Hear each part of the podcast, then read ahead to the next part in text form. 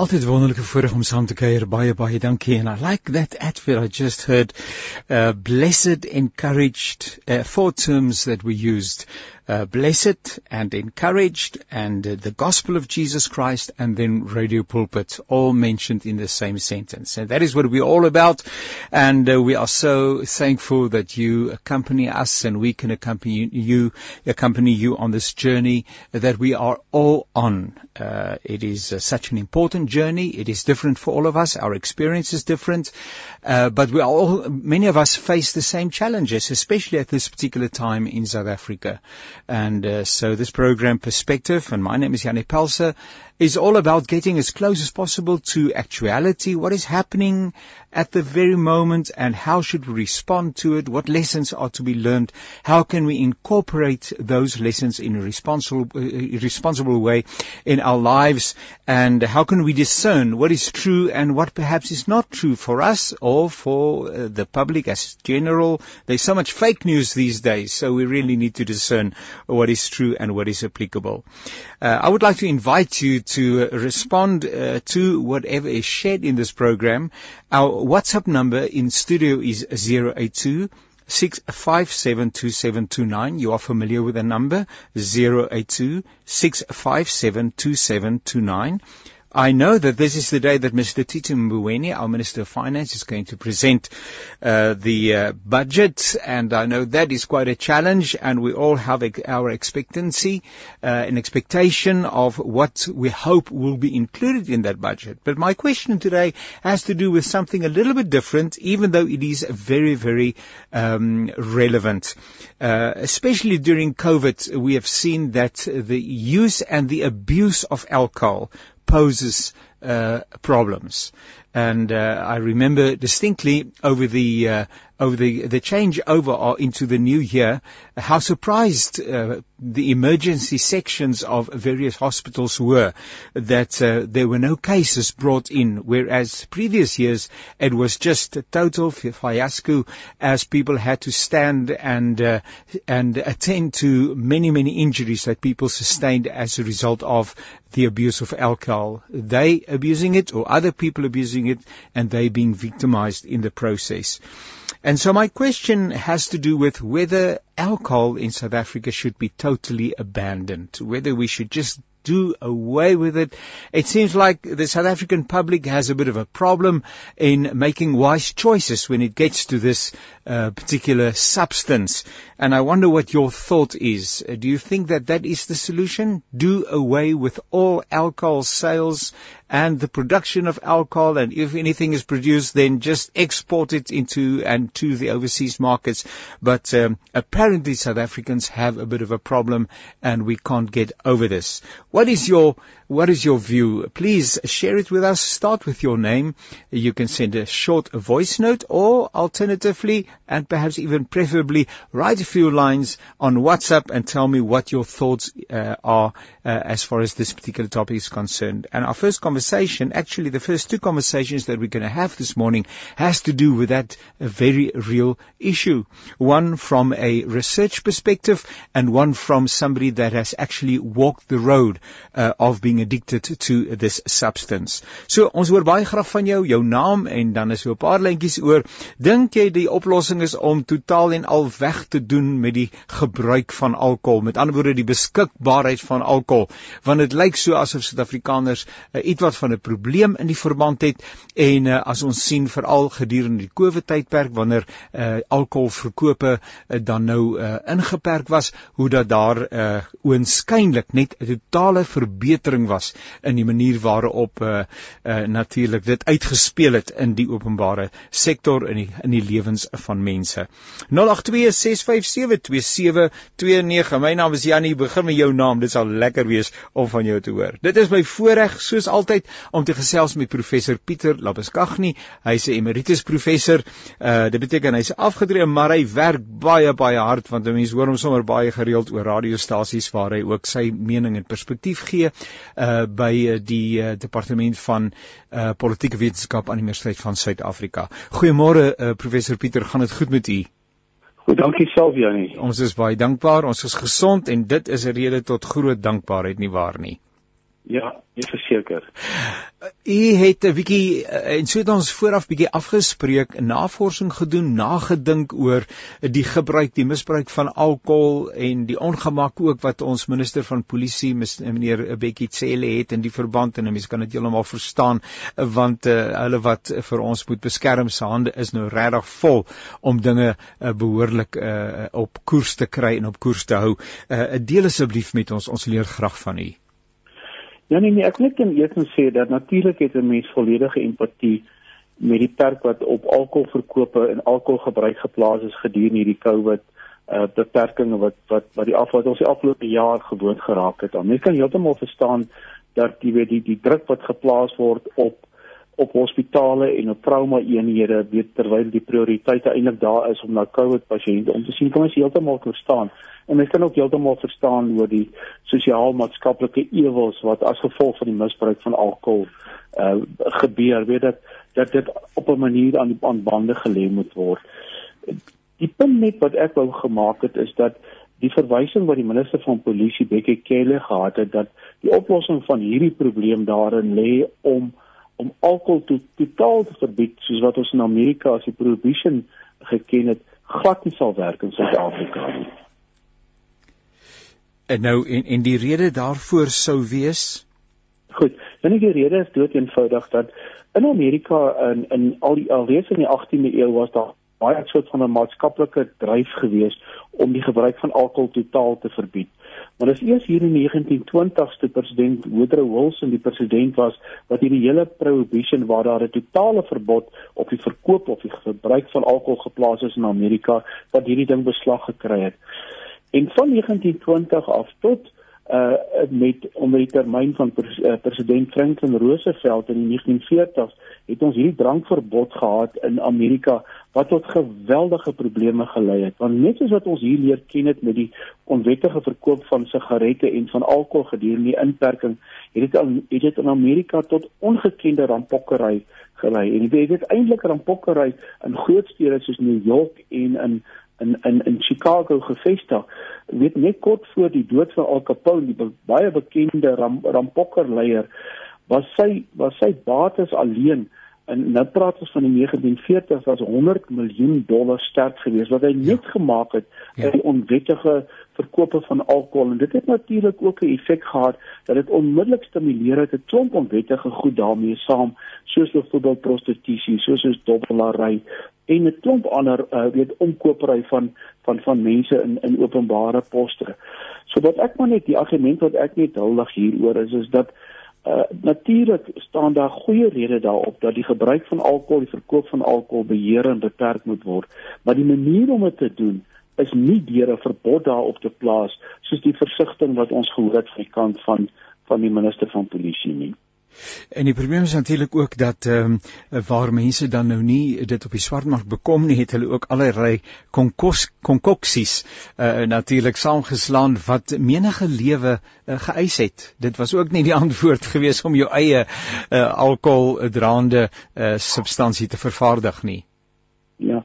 Kyk, dan die hele die hele wanneer dit gaan oor die gebruik van alkohol en natuurlik ek ontken glad nie die sosiaal-maatskaplike ewels wat wat deur die misbruik van alkohol spruit nie. Ons weet daarvan weet gebroke gesinne uh jy weet en en en en aanrandings en en en motor uh, ongelukke en so meer. Maar die punt is net is dat In Suid-Afrika het ons 'n probleem met die misbruik van alkohol. Niemand kan dit kan dit ontken nie. Maar die vraag is hoe word dit hanteer? En, en, en my argument is nie dood eenvoudig. Dit word nie hanteer deur dit te verbied nie. Die feit dat dat die verkope van sigarette wat wat wat meeste van ons as af, afkeuringswaardig beskou het met die rook van sigarette, het geen bydrae gelewer daartoe dat minder mense begin rook het nie. Uh trouens al wat dit gedoen het is dat dit is net dood eenvoudig 'n parallelle verkope 'n onwettige verkoop van sigarette gelei waardeur die regering 'n groot belastinginkomste verloor het. Die antwoord om die gebruik of die misbruik van alkohol teen te werk is nie 'n verbod nie. Dit lê op 'n dit lê op 'n maatskaplike gebied en dit lê doeteenvoudig daaroor dat dat die sosio-ekonomiese omstandighede van mense moet verbeter. Jy weet, ons sit op hierdie stadium met 'n uitgebreide uh, werks uh, werkloosheidssyfer van amper 42% in hierdie land. En baie keer vind die misbruik van alkohol plaas as gevolg van die mens, die feit dat mense hulle self in haglike sosio-ekonomiese omstandighede bevind en dat hulle baie keer drank as 'n as 'n vorm sien om om om weet om om die situasie te kan hanteer. Die antwoord lê daardie dat die sosiale en morele lewe van mense verbeter moet word. En dit kan alleen gedoen word wanneer 'n klomp rolspelers bymekaar kom, soos byvoorbeeld die regering wanneer hulle sal heen gaan deur werkskepping vir mense uh, 'n meer 'n positiewe uitkyk op die lewe te gee. Maar tweedens ook waarin waarin die kerke en waarin 'n uh, burgerlike samelewingsgroepe 'n rol speel om mense op te voed in in in daarop te wys wat die korrekte gebruik van alkohol is en dat dit 'n dat dit by geleenthede gebruik moet word en dat dit nie misbruik word nie. Ek weet van studies wat gedoen is waarin bewys is dat wanneer mense se se sosio-ekonomiese omstandighede verbeter, so verander ook die die die drank die drankgebruikpatrone en vir ander mense wat wanneer hulle sosio-ekonomiese omstandighede verbeter hulle lewensstandaarde verbeter, dan verander dit aan die misbruik van alkohol na mense wat by geleentheid uh, alkohol gebruik wat natuurlik ideaal is. En nou is dit ook so dat uh, alkohol nie altyd die mees bekostigbare uh kommoditeit is nie en wanneer mense dan nou daarin uh, hulle troos en hulle uh vastigheid sekuriteit gaan vind of ontvlugting gaan vind uh en, en daar is nie finansies nie dan eh, dan het dit natuurlik weer misdadigheid uh, wat uh, daarna daaruit uh, voortvloei want iewers moet die geld van bekom word of dit dan nou deur 'n uh, motorkaping is of dit deur uh, een ander vorm van diefstal is of dit selfs deur moord en geweld is maar maar daardie innerlike versigtiging na ontvlugting uh, is net doodgewoon te sterk om 'n morele oordeel te vel Ja, En ja, dit my punt is dit dood eenvoudig en dit is waar my bekommernis lê as iemand wat uit die uit die vakgebied van politieke wetenskap kom, is dat uh, die feit dat dat dat uh, vir die minister van polisie hierdie versigtiging is om 'n groter beheer oor die samelewing uh, uit te oefen deur sê om maar drank en sigarette te verhoed. Uh, wat mense wil hê in 'n liberale demokratiese samelewing is dat mense dat mense staat het wat teruggerol is. Aan die ander kant dat mense die regulerende rol van die staat wil beperk. Jy weet uh, kyk as net dood en fout daar dink aan hierdie afgelope tyd, hoeveel tyd en energie van die polisie het ingegaan om byvoorbeeld die onwettige verkoop van alkohol of die onwettige verkoop van van sigarette in restaurante wat waarheen hulle gegaan het en en so en so meer. Uh, hoeveel van hulle tyd en energie daarin gegaan terwyl ernstige misdade uh weet uh, toegeneem het. Ek weet nie die die, die mees onlandse syfers wys dat misdaad misdaad in die land uh toegeneem het ten spyte van hierdie hierdie inperking en die polisie se energie in hierdie regulering van dit wat mense doen hierdie sosiaal maatskaplike goed wat hulle doen so drankgebruik en sigarette hulle klem moet totaal op 'n ander gebied lê deur die groter uh, ewels van van misdaad uh, te bestry. En my bekommernis net is as mens begin beweeg in 'n staat en 'n rigting waarin jy waarin die regering 'n meer regulerende rol gee om om alles in die samelewing te probeer polisieer, dan is dit verkeerd. Die antwoord hierin lê in opvoeding en dit is waar die rol van kerke en ander maatskaplike organisasies 'n baie groot rol kan speel. Dit is ek, uh, ook 'n kwessie van uh, wat is eers die hoender of die eier? As ek dink 'n uh, vroeër jare, ek wonder juis wat van die inisiatief geword het. Nie dat ek dink dat dit dink dat dit uh, ooit regtig betekenisvolle invloed gehad het nie, maar daar was die sogenaamde moral uh, uh, wat was dit moral remove uh, moral regeneration movement, nee, sê dit oor my woorde, moral regeneration movement. Ehm um, waarvan interessant op 'n stadium meneer Zuma die beskermheer was, maar uh, dat ehm um, 'n mens van twee kante af sal moet inbou en enerzijds om met antwoord na aan die sosiaal, maatskaplike of dan ekonomiese uh, sekuriteit van mense aandag te gee, dan moet werk geskep word, mense moet daardie sekuriteit hê van 'n inkomste uh, en van 'n redelike lewensstandaard. Aan die ander kant het die morele the moral fiber van mensheid in so mate geërodeer geraak dat daar ook te gelykheid aktiewe programme in die verband behoort te wees.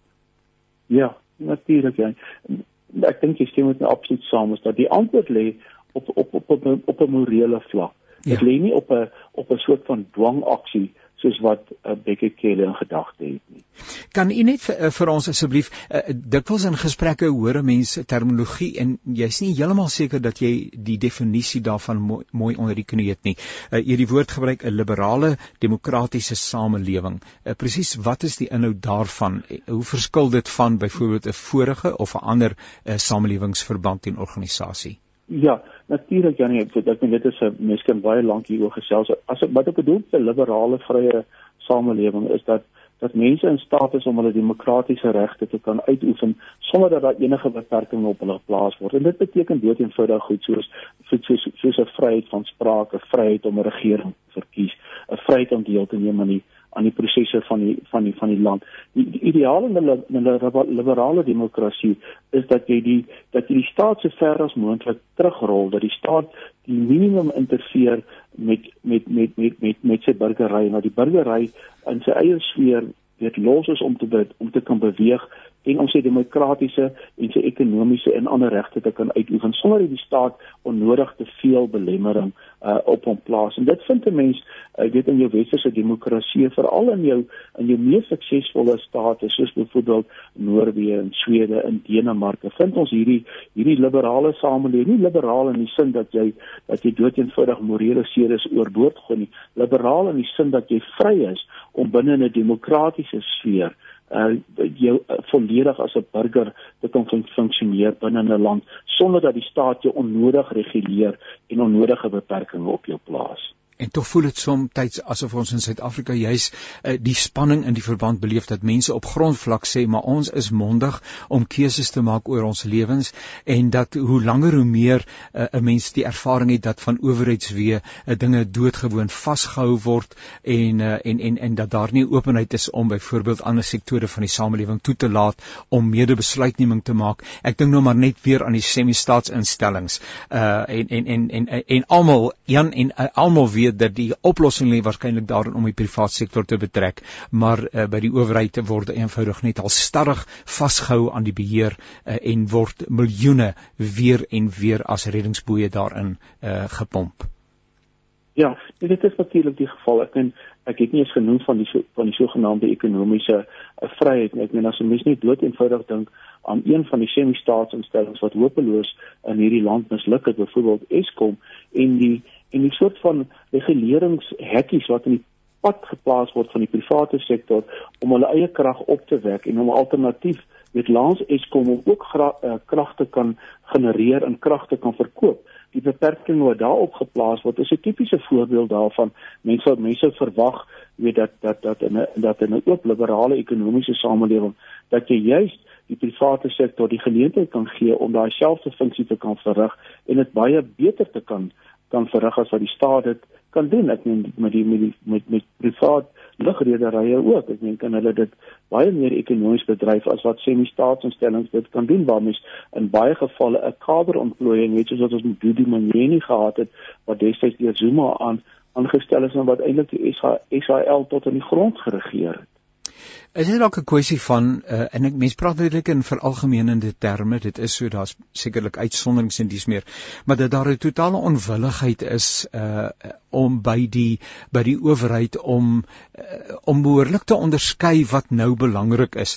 Uh ek ek luister vanoggend na 'n ander radiostasie op pad hierheen na die ateljee toe and there's an outcry as ek die Engelse woord kan gebruik because it just communicates so much. There's a national outcry um van mense en en dan mense wat uh, wat uh, uh, aan die kortste end trek, mense wat uh, swaar kry en in meerdikwels is dit ook mense vanuit ons swart geleedere en dis meer oor byvoorbeeld die sinnelose verandering van straat en van ander soortige name aan die Ooskaap en die koste wat dit gaan kos terwyl daar nie water in die skole is nie. Nou nou nou wat gaan dit vat om die owerheid wakker te maak? Uh, daar word gemeld oor pittoilette in 'n tyd die jaar 2021 dat kinders nog daarvan moet gebruik maak en uh, geld word begroot sodat straatname en uh, lughawens se name en dis meer nou verander kan word. Ja, ek ek dink die die ja, ek dink wat mens net in gedagte moet hou is dat en ek stel dit dood eenvoudig as 'n feit, nie as hoe hoe ek dit sien as dat dit goed of sleg is nie of positief of negatief ja. is nie. Natuurlik jou die, die regering na 94 het 'n bepaalde rol om om om 'n regverdige oop samelewing te skep nadat uit die apartheidsbestel het. Al daarom kry mens dat die regering 'n groot reguleringsfunksie verrig om baie dinge te doen in die in die samelewing om soort van speelveld uh gelyk te maak. En en en wanneer wanneer ek want wat gebeur met die verandering van staatname is dat indien jy nie iets kan doen wat materieel is nie. In ander woorde, jy kan nie 'n soort van 'n materiële ding toeken. Jy kan nie geld toeken nie. Dan ken jy simboliese uh, uh doen jy simboliese toekenning, soos byvoorbeeld die die verandering uh van staatname. Want want op die ou einde kos dit natuurlik geld, maar die geld word deur iemand anders te gedra. So dit is eintlik maar net 'n simboliese manier uh om dit te doen, maar die die, die ding is is dat daar is geweldige druk wat opbou wat mense moet erken in hierdie land dat daar baie sterk druk opbou vir die regering in sy mislukking om 'n om 'n samelewing te skep wat sogenaamd meer regverdig op 'n verskeidenheid van van gebiede is. En in hierdie hele proses word daar na allerlei soort van uh strooihalms gegryp en een van dit is natuurlik die die verandering van van name wat natuurlik in 'n baie groot mate sinnelose uh oefening is omdat die prioriteite nie reg is nie. Maar dood eenvoudig om die regering nie die vermoë om dit te te kan doen nie. Ek meen na na al hierdie al die jare wat gebeur in die land is dat die gaping tussen ryk en arm is is besig om al groter te word. Is groter as wat dit was in in 19 1994 en dis hy onvermoë van die regering om werklik waar hierdie hierdie soort van oorbrugging te doen. En dan word daar soms na simboliese goed gegryp, soos byvoorbeeld om om straatname te verander terwyl daar eintlik ander prioriteite behoort te wees. Net 'n laaste opmerking en ons gesels sommer ver en wyd, maar uh, dankie dat ons dit ook kan doen. Ehm uh, uh, vandag uh, gaan meneer Tito Mboweni uh, natuurlik die nasionale begrotingsrede voer of wat die regte terminologie ook al sou wees en dis meer uh, u verwagting of as u dalk nou vir hom kon raad gee en sê asseblief nou die speech is seker lankal geskryf, maar as hy ter 11de ure nog seker moet maak dat hierdie ding darm deel van daardie uh van daardie rede en aanbieding gaan wees, wat sou u graag vir hom wou suggereer?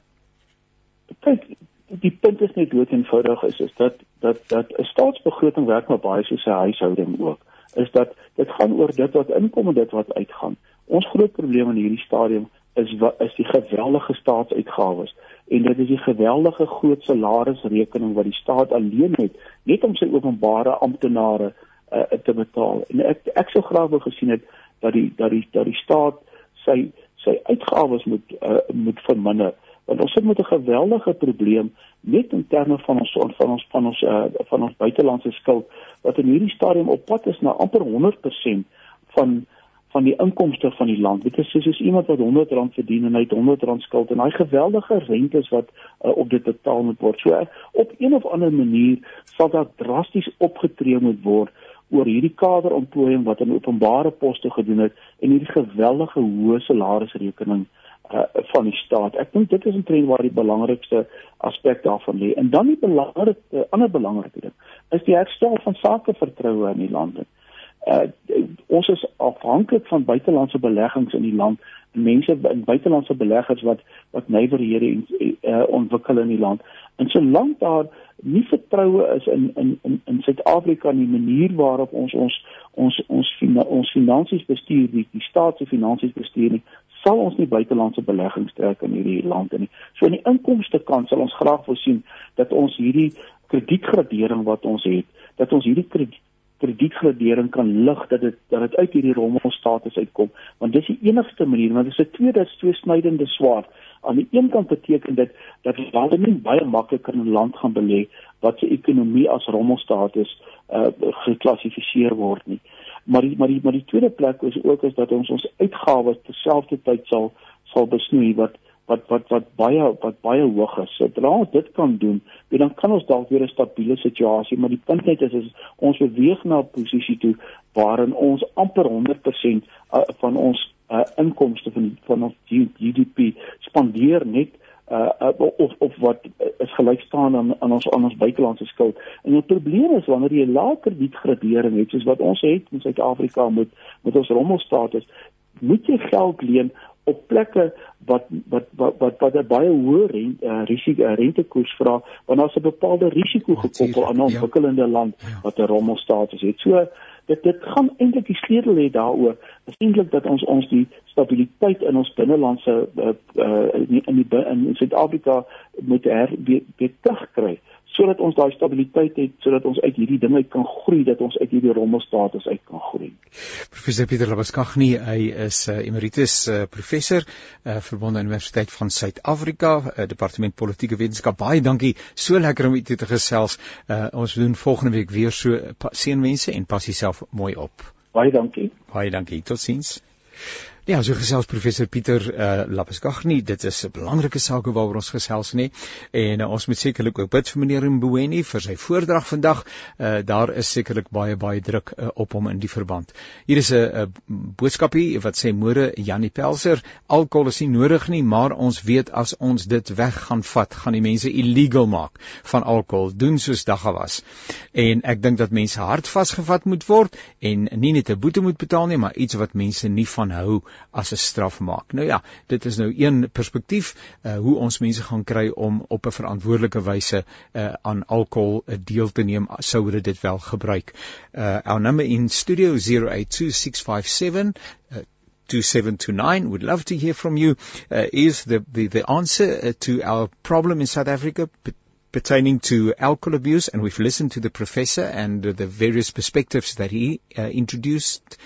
Um, is it to ban alcohol totally and absolutely, or is there another way? What is the solution? How are we going to get people to change uh, their preferences in terms of the way they use and abuse alcohol? Now, in this very regard, uh, I have the privilege of speaking to uh, Mr. John Ho- uh, Mr. John, and uh, Mr. John uh, is on the line. Let me just check. Good morning, John.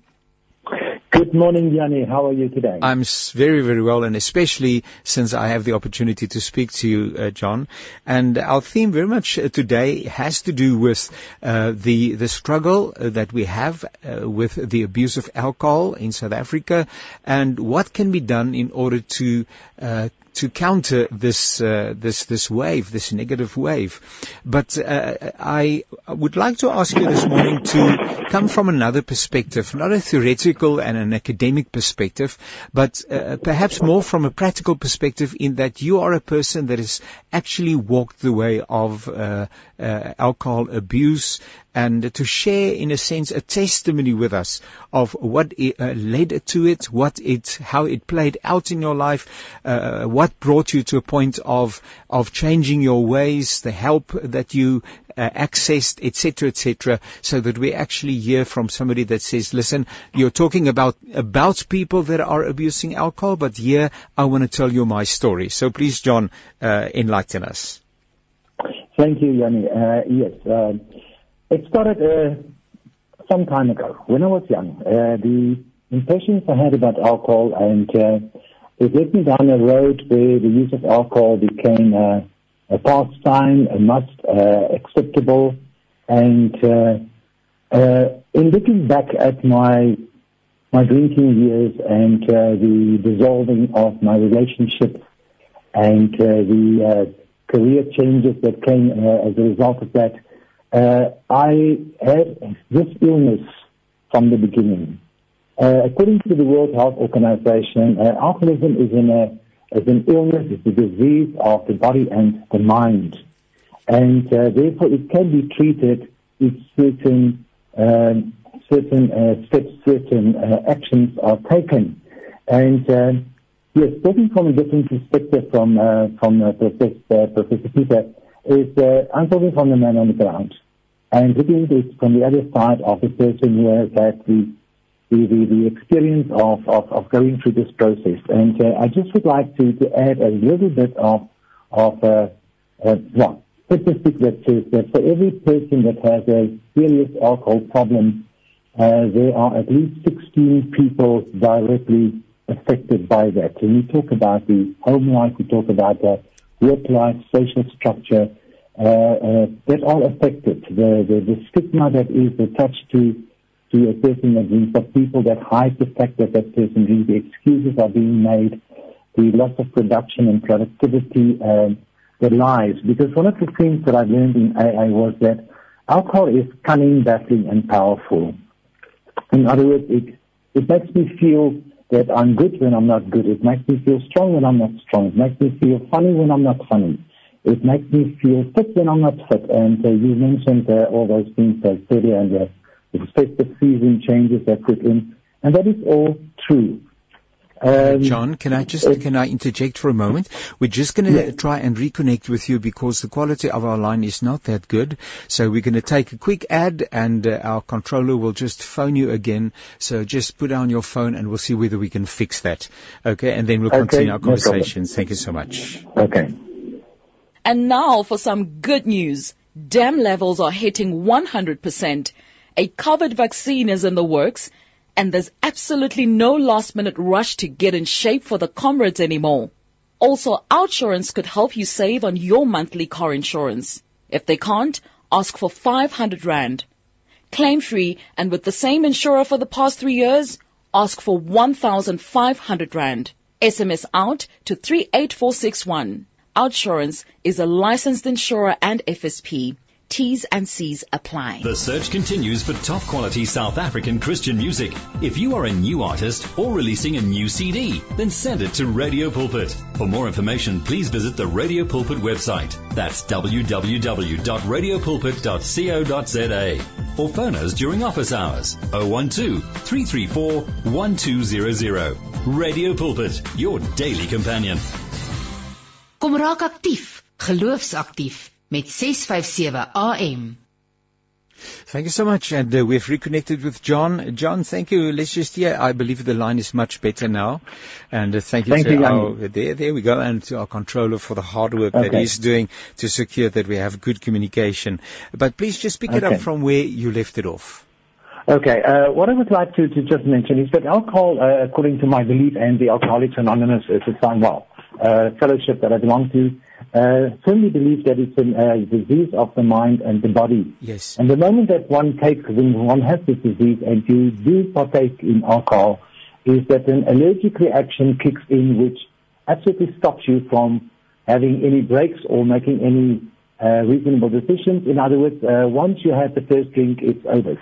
Yeah. Uh, you don't have any control about the intake. And uh, from my personal experiences, I developed this sort of hole in my tummy that I could never fill, and I just had to keep on drinking until I passed out.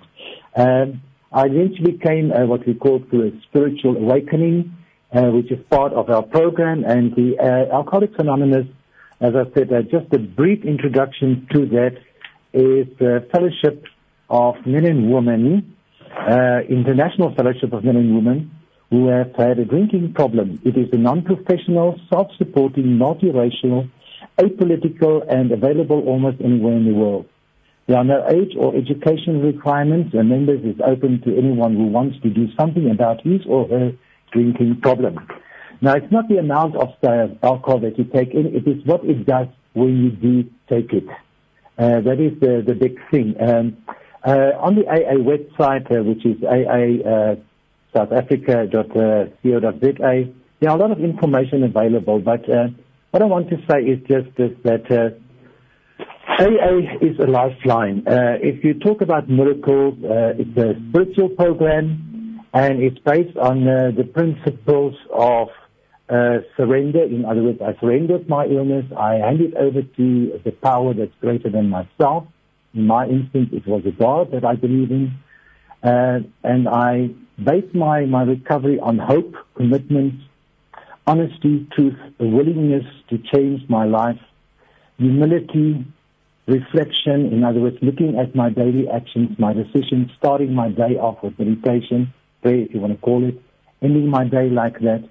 I do apologies, I do amendments, I uh, ask people for forgiveness whom I've hurt, and I keep a vigilance, in other words, I, I keep a daily vigilance on my life that it keeps me away from places where I might find that I might be tempted. I keep away from slippery places and uh, I keep my mind also occupied. I base my, my, my life every day on attunement and service in giving back uh, the sobriety that I received to others who still suffer from this. John? So uh, there's a few facts that I would like to, to just uh, give quickly. And the one is that uh, Uh, it's a disease, and if you've got it, uh, it's your responsibility to recover. The only requirement to become a member is to decide to stop drinking. Your color, class, status, age, drinking pattern, or past doesn't matter. At AA, we don't pass judgment. There is no cost payable for recovery. It's a non-religious but spiritual program, and members are free to hold any religious belief or none at all. For members of us, the members of, for every one of us, the members of AA, there was a first time to join that meeting, and it was horrible. It was, I was afraid. I was, I was feeling useless. Uh, it was just something that I, I had to get that over. And for you, it will be a courageous but vital step to find a meeting or join in. At the moment, we are in shutdown and we're not allowed any uh, face-to-face meetings, but we have uh, Zoom meetings uh, which we can tune into, and they're all available also on the website or on uh, on uh, the media. You can even find groups on, on Facebook and Twitter. Rest assured, you will be all welcomed with open arms, and you will be developing a sense of belonging amongst us. AA, of course, as I said, is worldwide, and please feel free to make yourself at home. And I would just like to say at this stage, uh, while people are still listening, is there's a national helpline. It's 086 and you never need to stand alone again. Okay, so, uh, Yanni, that's uh, my little bit. Thank you. anything specific? Two, two short questions uh, before we uh, repeat that helpline. Uh, the one is uh, that, uh, uh, you know, coming from the outside, listening to people, listening to you and so on, uh, uh and this being a disease of the mind and of the body uh, and everything that contributes to it, but still you say that the moment that a person uh, seeks help, uh, that person needs to be sober. That person needs to uh, admit at least I have a problem. Yes. So how yes. do you get a person to that point? Because that takes uh, sometimes that journey uh, takes a very long time. Sometimes that journey never comes, uh, especially mm. and that point never comes yes. in the life of a person that has a problem with alcohol abuse. So that uh, term that is used, uh, rock bottom. Somebody has to strike rock bottom. I don't know whether it's the correct terminology, but how do you get a person, or how does a person with a problem get to that point where he says, but listen, I can't go on like this? Uh, yeah, yeah, that is uh, that is the sad thing about uh, this this disease is that uh, it, uh, this program of the Alcoholics Anonymous only work for people who want to join the program, who want to become better. Uh, the rock bottom, yes, I have been rock bottom. Uh, I have reached the, the bottomless pit basically, and the main thing is that I was sick and tired of being sick and tired. That's good. Uh, you know, it is yeah. you. It's a non-ending thing, and you don't understand this, and it just keeps on. And in my more sober moments, when I said, you know, I don't want to live like that, I actually meant it. Yes. But then I was helpless. The moment I come from work on the way home, I would stop off either at the bottle store or the pub, you know, and uh, uh, then the whole cycle just starts again. So uh, rock bottom, yes, one has to it, it says here uh, in the um, little quote uh, also that uh, uh, I, I, think I did say something that uh, we are. I'm quoting from the AA Big Book here. It says we are some um, of, of, the problems. Uh, what are some of the problems and the main manifestations associated with the abuse thereof? The alcoholic effect is at least 16 people, and we say, okay, we know that. But there is another piece here that says, if and when you honestly want to, you find you cannot quit entirely, or if when drinking, you have little control over the amount that you take, you are probably an alcoholic. And if that be the case, you may be suffering from an illness which can only a spiritual experience will conquer. And a spiritual experience means that you have to realize that you are helpless in helping yourself. That trying to control it is no longer going to work because the moment you need to control it, it means you're out of control already. John, please, that uh, that helpline, and it's a question of, and this is the invitation, and we want to say that uh, also as Radio Pulpit listeners, we stand behind people that perhaps at this very moment is challenged with a decision. Yes. And yes. Uh, as you take up that telephone, that's an act, act of the will. You take up that telephone and you acknowledge, I have a problem, and then you've already, in a sense, conquered because you were willing to uh, to acknowledge the problem problem. And uh, please join the human race. We all have problems and we all have challenges. exactly, And this is just another manifestation. It doesn't make you better or worse than any other person. We are all in need of grace. We are all in need of grace and help. So just again, that landline is 0861 and the rest of it was? Okay, uh, 0861 435 722. Okay, there we go. Uh, 0861435022. And that is the... No, no, no, 57, 5722. Okay, so just the last time repeat it for us. 086 Yes, 143 yes. 5722. There, well, there we go.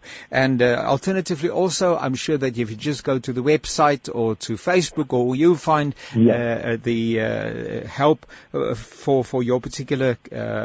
Uh, uh, the, the AA website, you'll find help and contact numbers Yeah, uh, and yeah. uh, also suggestions, etc., etc., Yeah. that you can follow. John, thank you so much. Thank you for thank you so for setting an example of uh, being uh, uh, courageous, and we know that that there was a film also called Courageous, and we know where that courage comes from.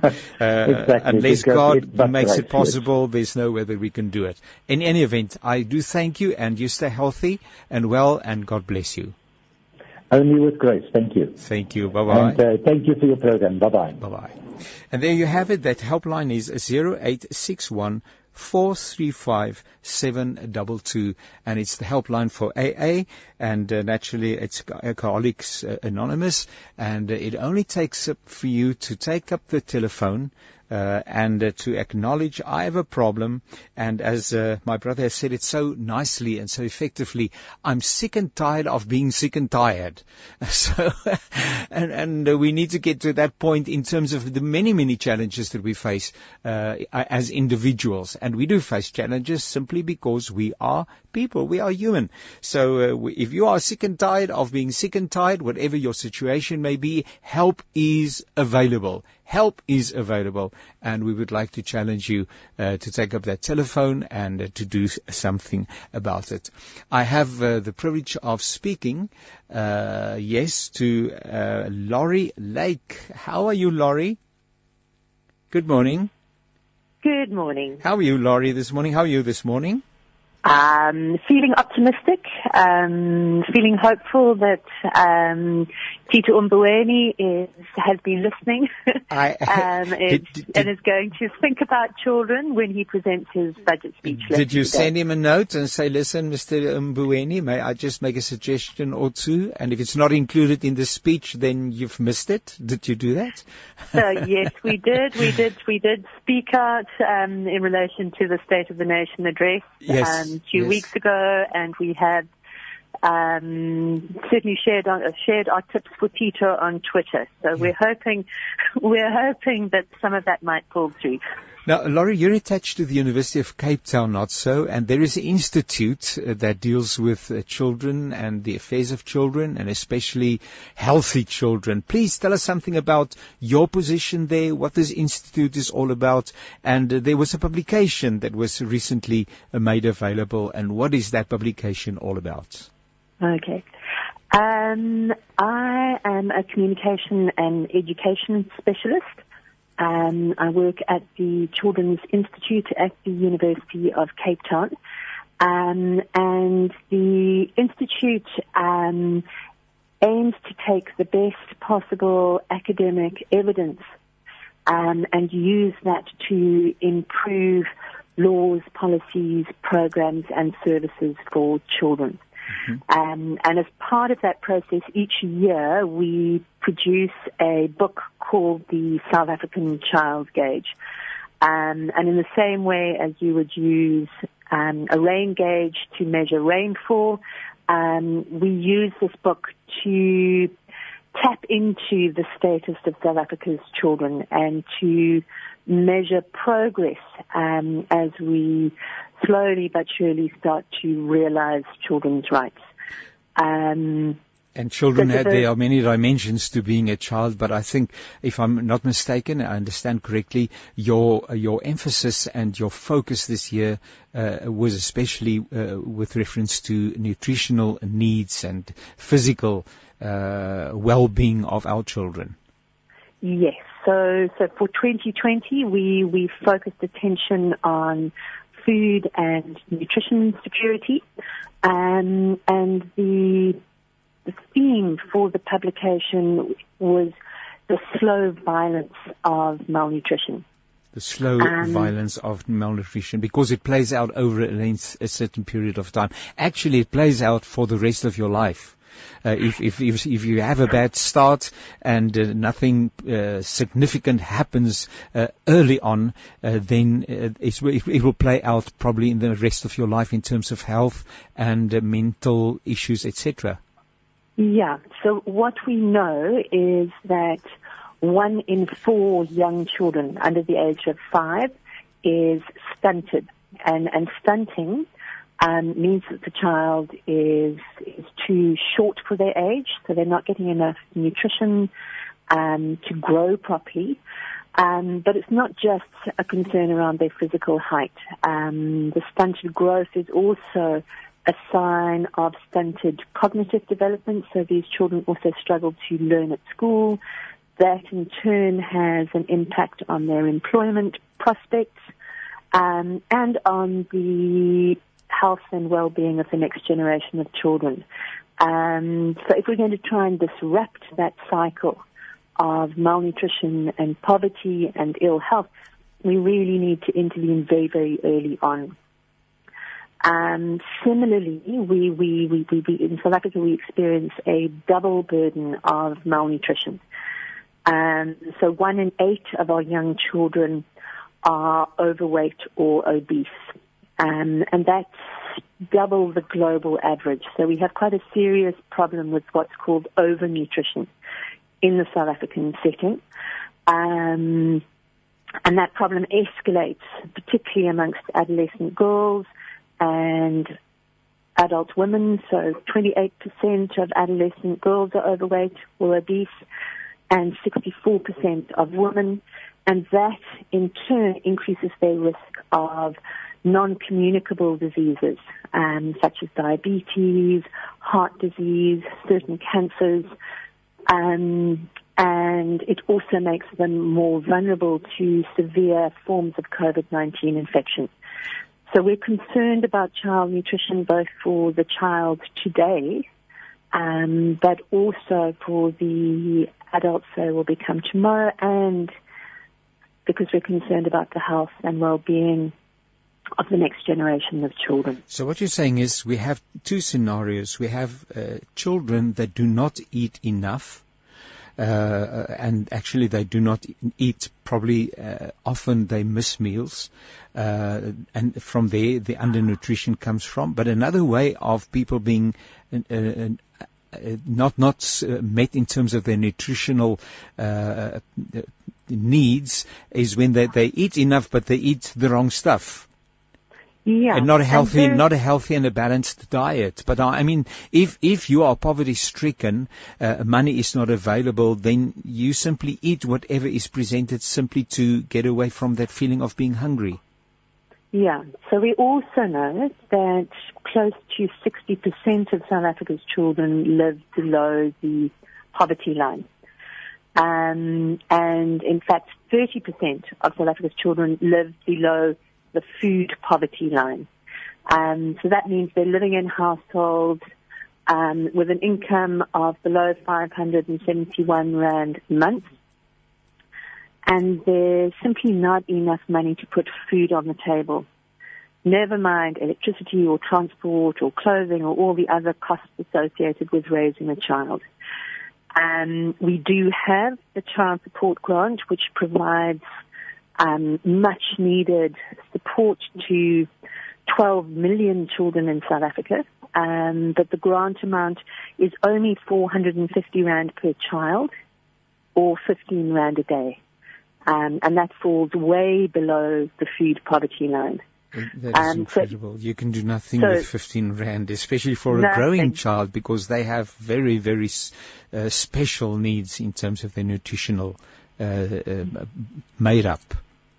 Yeah, and then so so that was the situation pre-COVID, right? So we already had a nutrition crisis in South Africa before COVID kicked and in at the beginning of last year. intensified, not so. So, like we are as human beings, we say now, where do I, where do I park this? You know, who, who is the culprit? Who's responsible? Uh, so, so your research, where, where should we park this, and who sh- whom should we appeal to for the situation uh, to be to be rectified and to be addressed? So to address child malnutrition requires really a whole of society approach. Um, it requires the health system to intervene very early on to support the optimal nutrition of pregnant women. Um, it requires more support for exclusive breastfeeding, which helps protect children both from stunting and overweight and obesity. So supporting women to continue breastfeeding for that critical first six months of life. Um, that requires the support of families and communities. It requires support of businesses um, to enable women to take maternity leave, to be with their children. It requires breastfeeding breaks um, to which women are entitled to by law, and yet many women and many employers are unaware of those protections.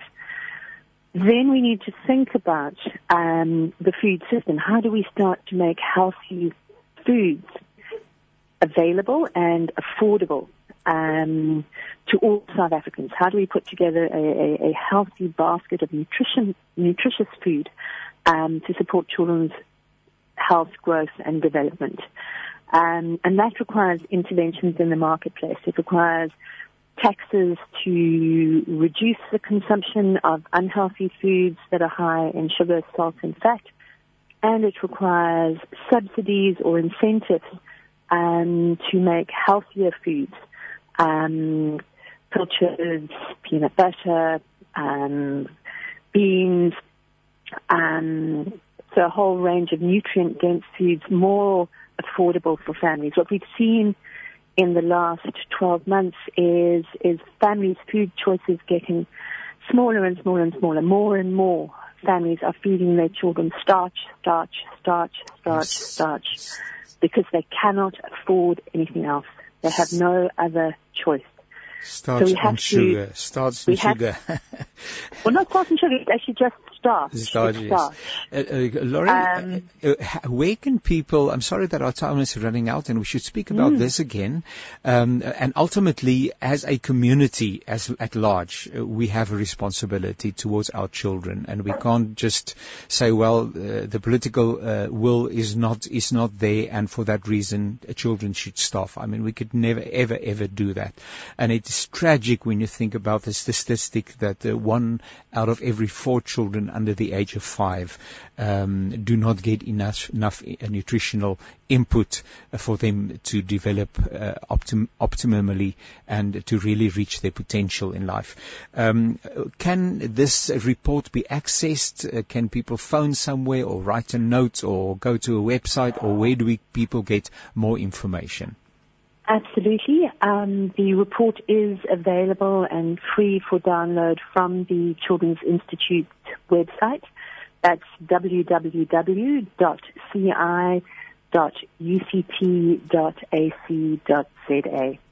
Um, and we'd really encourage everyone to read it. Um, we've also uploaded um, some of the very powerful speeches that were made at the launch of the Gauge, um, including an address by the First Lady, Dr. Tshepo Motsepe.